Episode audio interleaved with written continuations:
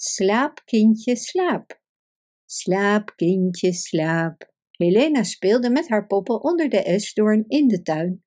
Het was de eerste warme lentedag en het kleine meisje was blij weer buiten te zijn en haar baby's op een van de lage takken in slaap te wiegen.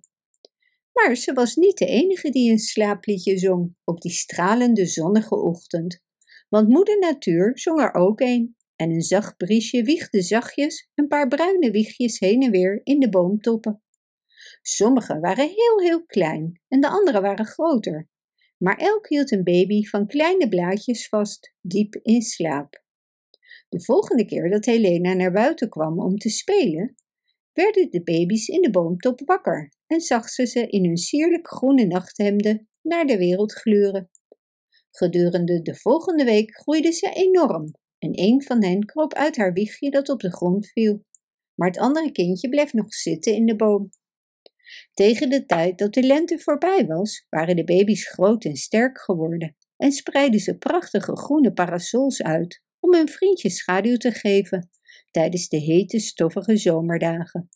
Toen de herfst aanbrak, gaf moeder natuur hem vakantie. En wat zagen ze er mooi uit in hun vrolijke jurken, terwijl ze dartelden met de wind.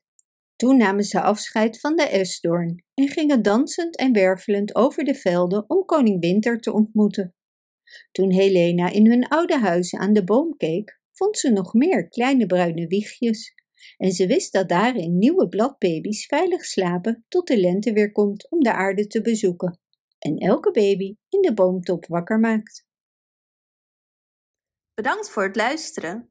Wist je dat je dit verhaal ook op onze website ririro.com/nl kunt lezen, downloaden en printen?